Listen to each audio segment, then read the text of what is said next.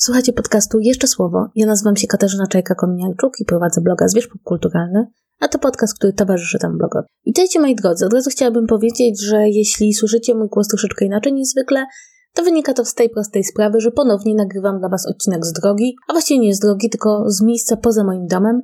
E, jestem w hotelu na Nowych Horyzontach i ten hotel jak możecie się spodziewać, ma nieco inny układ niż moje mieszkanie. Nie jest jakoś bardzo wyciszone, a ponieważ jest dosyć ciepło, nie będę nagrywać z kołdą na głowie, żeby się wyciszyć, więc jeśli słyszycie trochę echo, jeśli snuje się jakiś pogłos, no to to są warunki, których nagrywam. Ale poczułam jakoś bardzo mocno, że muszę nagrać ten odcinek i muszę go nagrać teraz, nie mogę na niego długo czekać, ponieważ chciałabym z wami porozmawiać o fenomenie Barbieheimer, czyli o tej sytuacji, w której teraz jesteśmy, kiedy zeszły się ze sobą premiery dwóch filmów, dwóch bardzo różnych filmów i z tego jak zostało to wykorzystane. I teraz od chciałabym powiedzieć, że nie mam zamiaru zajmować się marketingowym wymiarem całej tej sytuacji.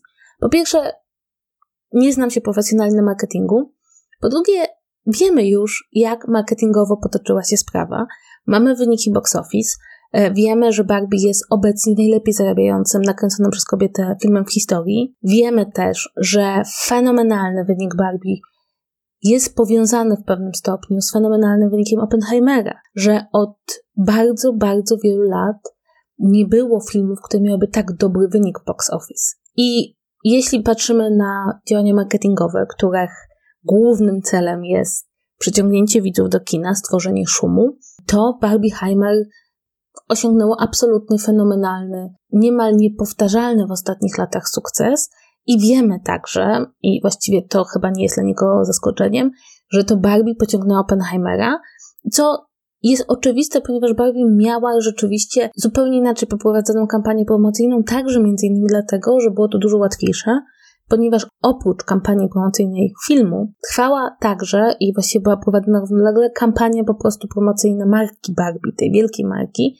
co prowadziło do tego, że w wielu sklepach modowych pojawiały się modowych, kosmetycznych pojawiły się produkty nawiązujące do e, lalki Barbie, do w ogóle do marki Barbie, tak? Nawet niekoniecznie do samej lalki, co sprawiało, że jeśli na przykład wchodziliście do mm, popularnych sieciówek od Pepco przez Primarka po Berszkę i kilka, kilkanaście sieciówek, to one wszystkie miały produkty z Barbie, nawet bardziej prestiżowe marki zdecydowały się zrobić produkty nawiązujące do marki. Ewidentnie ta marka bardzo była dostępna, a z drugiej strony nawet te firmy, które nie miały bezpośrednio nawiązania do marki Barbie, na przykład promowały kolor różowy, który koresponduje z filmem, co stworzyło wokół niego bardzo taką atmosferę sprawiającą, że rzeczywiście ten wynik box office jest absolutnie fantastyczny. Więc marketingowo to się na pewno 100% udało. Oba filmy na siebie zarobiły, oba filmy zarobiły zdecydowanie więcej niż można się było spodziewać, chociaż mam wrażenie, że akurat w przypadku Barbie to wszyscy się spodziewali dobrego wyniku, choć z drugiej strony filmy Christophera Nolana raczej na siebie zarabiają. No Tenet miał po prostu wyjątkowo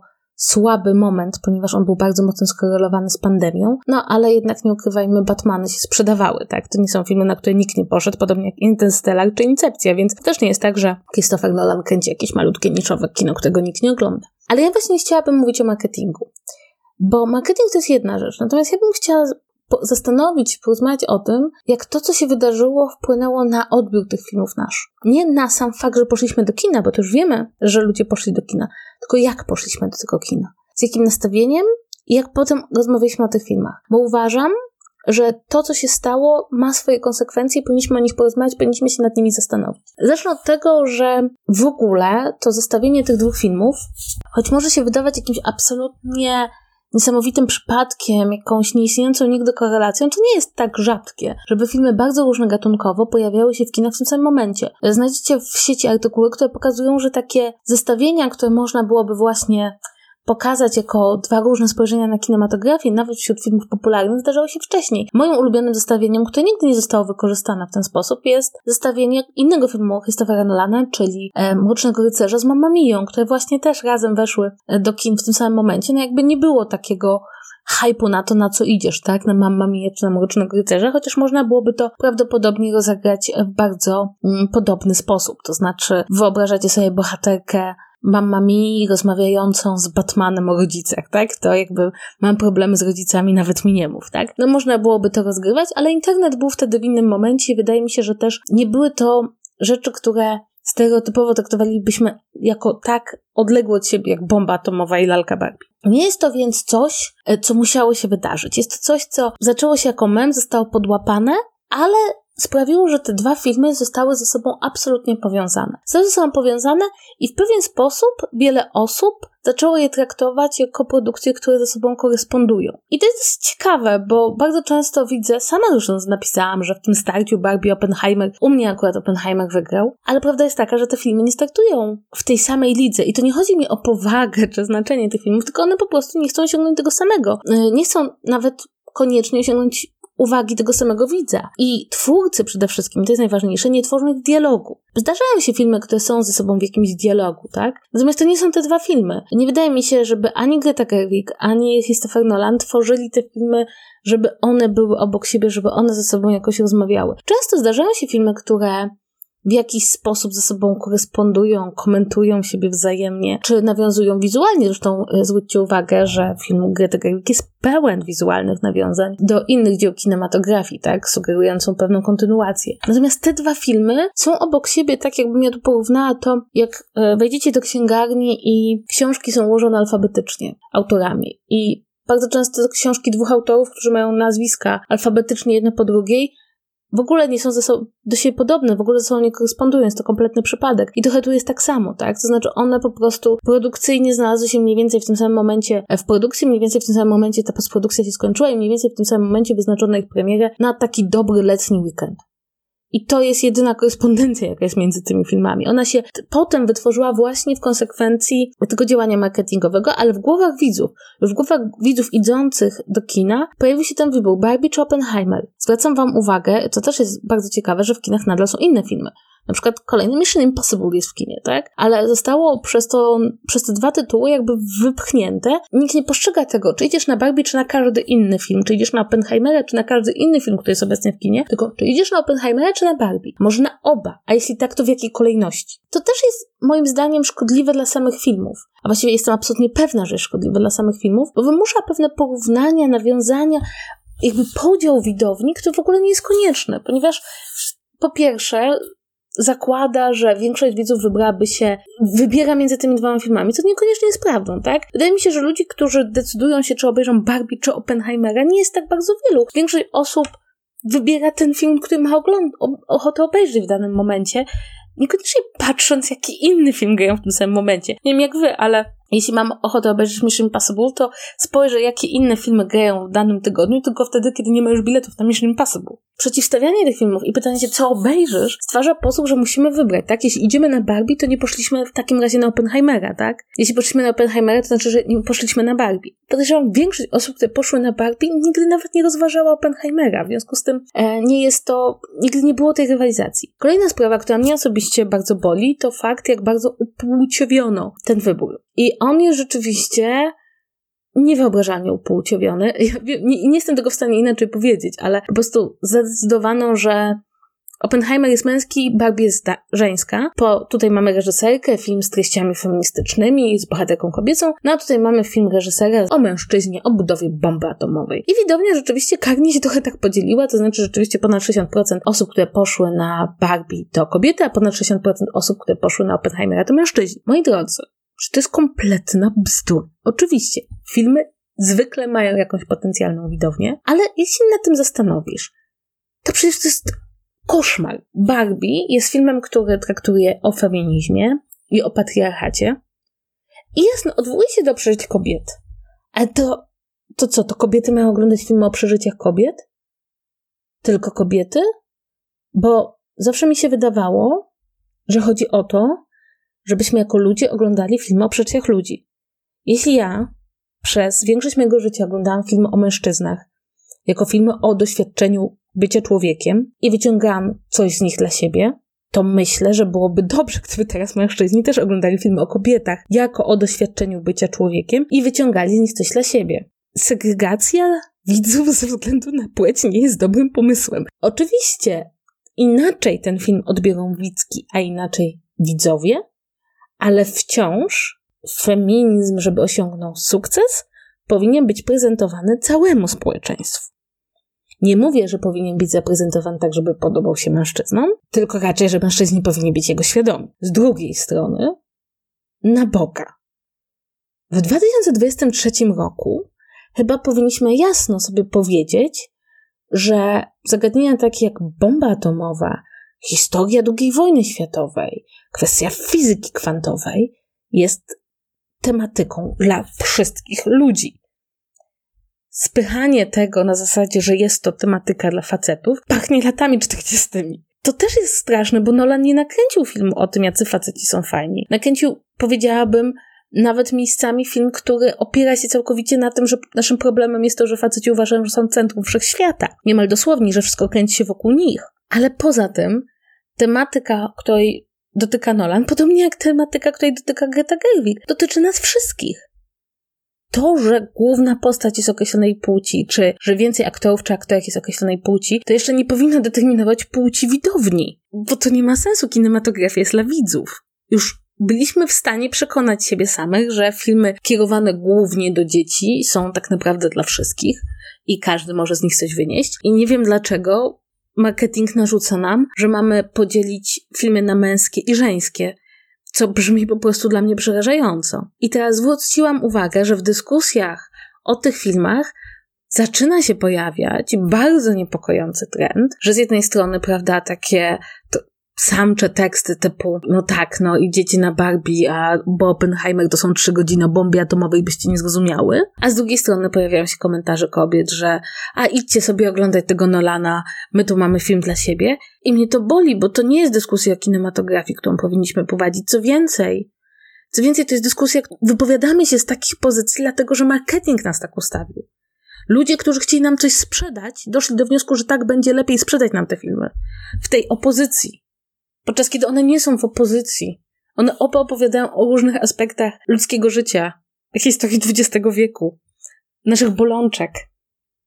W związku z tym wizja, że my się mamy płciowo ustosunkować do tych filmów jest kompletnie bez sensu, ale jesteśmy w nią złapani, ponieważ marketing tych filmów i fakt, że jest on oparty na przeciwieństwach i to na przeciwieństwach tak mocno zgenderowanych, jak tylko się da, prawda? Różowe, kobiece, czarne, męskie. I zwróćcie uwagę też, że to nas prowadzi do takiej pułapki na zasadzie, że jeśli jesteś kobietą i idziesz na Oppenheimera, a nie na Barbie, to to cię wrzuca, nawet jeśli tego nie chcesz. Do tej kategorii jesteś tą fajniejszą dziewczyną, nie? Nie, nie ubierzesz się na różowo do kina, tylko pójdziesz na czarno, na Oppenheimera, bo, bo jesteś fajna, jesteś cool, jesteś pick me up girl, jak to się mówi, czyli taka dziewczyna, która wszystko, co robi, ma zapewnić jej uwagę mężczyzn. A oczywiście to nie jest prawda. Po prostu czasem możesz woleć film o fizykach od filmu o Barbie, bo masz różne doświadczenia i gusty. A z kolei faceci, którzy idą na Barbie, nagle dostają medal wielkiego feministy za to, że poszli na komediową satyrę wyreżyserowaną przez kobietę. No ja bym wolała, żeby mężczyźni, którzy oglądają film o kobietach, nie dostawali od razu przypinki byłem dzielny na filmie, tylko po prostu je oglądali, tak? Bo inaczej to nie ma sensu. Kolejna rzecz, która mnie w jakiś sposób przeraża, to właśnie ta konieczność wyboru, tak? To znaczy, że bardzo dużo osób zaczyna traktować te filmy, że trzeba pomiędzy nimi wybrać. I zarówno wybrać wybierając się do kina, bo na Barbie Heimera bardzo mało osób się wybrało. Ja się wybrałam na takiego klasycznego Barbie Heimera, to znaczy o 18 obejrzałam Barbie, o 20 obejrzałam Oppenheimera. 5 godzin w kinie polecam, ale też wyboru pomiędzy nimi. To też jest marketing, tak? To znaczy wyboru, co, na co pójdziemy do kina, ale też wyboru, co nam się bardziej podobało. Mówię, jestem temu winna, ja też to zrobiłam. Ja też napisałam, że bardziej podobał mi się Oppenheimer. A potem myślałam, czeka, ale w jakiej kategoriach te filmy niby startują obok siebie, tak? To, że jeden gra o 18, a drugi o 20 nie znaczy, że one są obok siebie. Oba opowiadają o ważnych rzeczach. Oba sięgają po zupełnie inne gatunki filmowe. Oba stawiają nacisk na zupełnie inne środki wyrazu. Jedyne, w czym ze sobą jakby mogą korespondować, to to, że rzeczywiście w obu widać, że mamy do czynienia z reżyserami, reżyserem, którzy wywodzą się z kinematografii bardziej niezależnej i znajdują sobie jakieś własne miejsce w świecie kinematografii głównego nurtu. Jeśli obejrzymy je obok siebie, to zobaczymy bardzo szerokie spektrum wykorzystania języka filmowego. Tylko, że do tego nas się nie zachęca, tak? Nie zachęca się do nas, nie zachęca się nas właściwie do oglądania tego komplementarnie, tak? Do znajdowania podobieństw, ale nie takich podobieństw naiwnych, tylko takich podobieństw filmoznawczych, bo nikt tego od nas oczywiście nie chce. To jest kwestia tego, żebyśmy kupili bilety. I teraz tak, to się udało. I to jest właśnie coś, co mnie najbardziej niepokoi. Bo jeśli to się udało, to znaczy, że to nie będzie jedyny raz, no bo marketing, jak zauważy, że coś działa, to przy tego nie porzuci, ponieważ zadaniem marketingu jest sprzedawać rzeczy. I słuchajcie, to ja tego nie mówię w sposób pejoratywny. Tylko po prostu uważam, że powinniśmy zdać sobie sprawę, że no o to chodzi, tak? Potem wydajesz pieniądze na marketing, żeby sprzedać rzeczy. Jeśli rzeczy się sprzedały, to marketing będzie dalej korzystał z tych samych metod. No, trudno się dziwić, tak? Jeśli coś działa, no to nie zmieniamy metody. A to znaczy, że będziemy prawdopodobnie widzieli więcej albo takich par, albo właśnie takich marketingów, które będą bardzo mocno nastawione nie tylko na promocję filmu, czy promocję konkretnego tytułu, ale na promocję tego tytułu w jakiejś opozycji czy kontekście innego tytułu. I ja uważam, że to jest problem, bo to sprawia, że rzeczy stają się w naszych głowach w jakiś sposób komplementarne, czy stają się jakimiś przeciwieństwami, tylko ze względu na wybraną datę premiery. A tymczasem każde dzieło filmowe, czy to popularne, czy to ambitne, czy to amatorskie, czy to profesjonalne, tak podobnie jak każde w ogóle dzieło kultury, które powstało jako dzieło jednostkowe, zasługuje na ocenę jednostkową. To nie jest tak, że jak idziesz do muzeum, to masz wyjść i, nie wiem, idziesz po Louvre i masz powiedzieć, że Mona Lisa była lepsza od obrazu, który wisiał po prawej stronie. Oczywiście może ci się bardziej podobać, to jest spoko, tak? Ale te obrazy nie powstały, żeby ze sobą korespondować. Każdy z nich można ocenić osobno. Każdy z nich, każdemu z nich należy się osobna uwaga. Osobne punkty odniesienia, osobne pytania, i fakt, że dwa obrazy wiszą w tej samej sali, nie zawsze znaczy, że ze sobą korespondują i nie znaczy, że możemy ocenić dany obraz tylko w kontekście tego drugiego. Rozumiemy to w miarę dobrze, jeśli chodzi o muzeum. Oczywiście są takie wystawy, na których zdecydowanie powinniśmy to robić. Tutaj robię olbrzymi przypis, bo, bo to się zdarza. Czy, jak, jeśli dwie książki stoją na tej samej półce, to jeszcze nie znaczy, że ich twórcy ze sobą rozmawiają. I to jeszcze nie znaczy, że każdą książkę na tej półce mamy oceniać w kontekście innej książki na tej półce. I jasne, to co widzieliśmy, to co przeczytaliśmy wpływa na naszą ocenę, ale jeśli chcemy oceniać Barbie w kontekście filmów, to spoko. Przywołajmy milion pięćset, sto dziewięćset różnych filmów, które poruszają podobną tematykę, do których się Greta Gerwig odnosi. Ale jeśli ktoś nam powie, musisz to porównać z Oppenheimerem, bo nam marketingowo wychodzi, że to się opłaca, to to jest niebezpieczne. I dla mnie to jest takie smutne trochę, bo myśmy się to bardzo łatwo dali wciągnąć. I mówię myśmy, ponieważ no, jakby ja też jako uczestniczka internetu też w to weszłam. Ale widzę więcej problemów niż zysków. I to nie z punktu widzenia tego, ile film zarobił, no bo jak już ustaliliśmy, w pierwszych minutach zarobiły dużo, tylko właśnie w kontekście tego, jak my będziemy potem o nich myśleć. Jak bardzo one będą ze sobą zrośnięte, mimo że tak naprawdę to połączenie już spełniło swoją rolę. Za 10 lat to, że Barbie i Oppenheimer miały premierę tego samego dnia, nie będzie miało żadnego znaczenia marketingowego. Więcej, za rok już nie będzie miało znaczenia. Ale będzie miało prawdopodobnie dla bardzo wielu osób jeszcze długo znaczenie w ocenianiu tych filmów i w myśleniu o nich. I kiedy kontekst naszego myślenia o filmie zostaje narzucony tak mocno przez marketing i to nie tylko marketing z danego filmu, co zresztą jak sami wiecie, marketing danego filmu potrafi nam bardzo często sprzedać inny film niż ten, który oglądaliśmy. Często zdarza, trailery reklamują nam trochę co innego, w ogóle cała dyskusja o filmie reklamuje nam trochę co innego, co z punktu widzenia marketingowego się bardziej opłaca. Ostatnio mieliśmy taki przykład w przypadku między nami żywiołami. Ludzie, którzy zobaczyli ten film, powiedzieli, ale on jest o czymś zupełnie innym niż sugerował marketing. Ponownie, tak, że to się i tak już zdarza w przypadku tego, jak się reklamuje filmy, ale teraz to marketingowe myślenie o ramie interpretacyjnej filmu się powiększa. I mnie to przera znaczy, przeraża. Mnie to niepokoi, dlatego że cel marketingu, a cel interpretacji filmu, czy to filmoznawczo, czy to krytycznie, czy to przez widza, jest zupełnie inny. My nie chcemy niczego sprzedać, my chcemy tylko zrozumieć intencję autora i zrozumieć ją dla siebie. A marketing chce, żebyśmy kupili bilety. Czy można się jakoś przed tym chronić? Chyba tylko samą świadomością, jak to działa. I chyba takim mocnym postanowieniem, które powinniśmy w sobie trzymać, że każdy film zasługuje na osobność. I że jeśli wybieramy jakiś film do obejrzenia, to nie zawsze jest tak, że wybieramy go w miejsce innego filmu.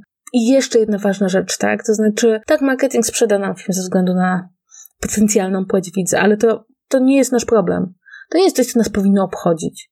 Powinno sobie powiedzieć, czy nas jako jednostkę interesuje dany film i to niezależnie od tego, co marketing mówi o tym, dla jakiej płci czy wieku dany film jest. I na sam koniec chciałabym powiedzieć, że uważam, że i Barbie i Oppenheimer zasługują na uwagę nieskażoną tym, że są w kinach w ten sam weekend. I możecie lubić oba filmy, możecie nie lubić żadnego, możecie pójść na Mission Impossible, dlatego że on też jest w kinach. I to tyle. Pozdrawiam Was bardzo. Mam nadzieję, że udało mi się przekazać moją myśl. Mam nadzieję, że Was jakoś zaintrygowałam. E, to nie jest tak, że ja nienawidzę całego internetu i uważam, że każdy, kto wrzucił mema o Barbie czy Oppenheimerze czy Barbieheimerze e, popełnił zbrodnie na kinematografii. Absolutnie nie. E, to był cudowny fenomen, ale Wydaje mi się, że gdzieś tam na marginesie należy się zapytać o przyszłość i o teraźniejszość też często. E, mam nadzieję, że jeśli oglądaliście oba te filmy, to Wam się podobało. Jeśli nie oglądaliście żadnego, to też nie jest żaden problem. Mam wrażenie, że żaden z tych filmów, wbrew temu, co marketing podpowiadał, nie zawiera klucza do e, rzeczywistości i istnienia i spokojnie można obejrzeć miliard innych filmów, które też Wam coś ciekawego o e, ludzkim przeżyciu powiedzą. A na razie to wszystko w tym odcinku. Jak słyszycie i mówiłam Wam, już jestem na nowych horyzontach, więc jak wrócę, może się podzielę jakimiś festiwalowymi refleksjami. A na razie Cóż mogę Wam powiedzieć? Do usłyszenia w następnym odcinku. Pa, pa!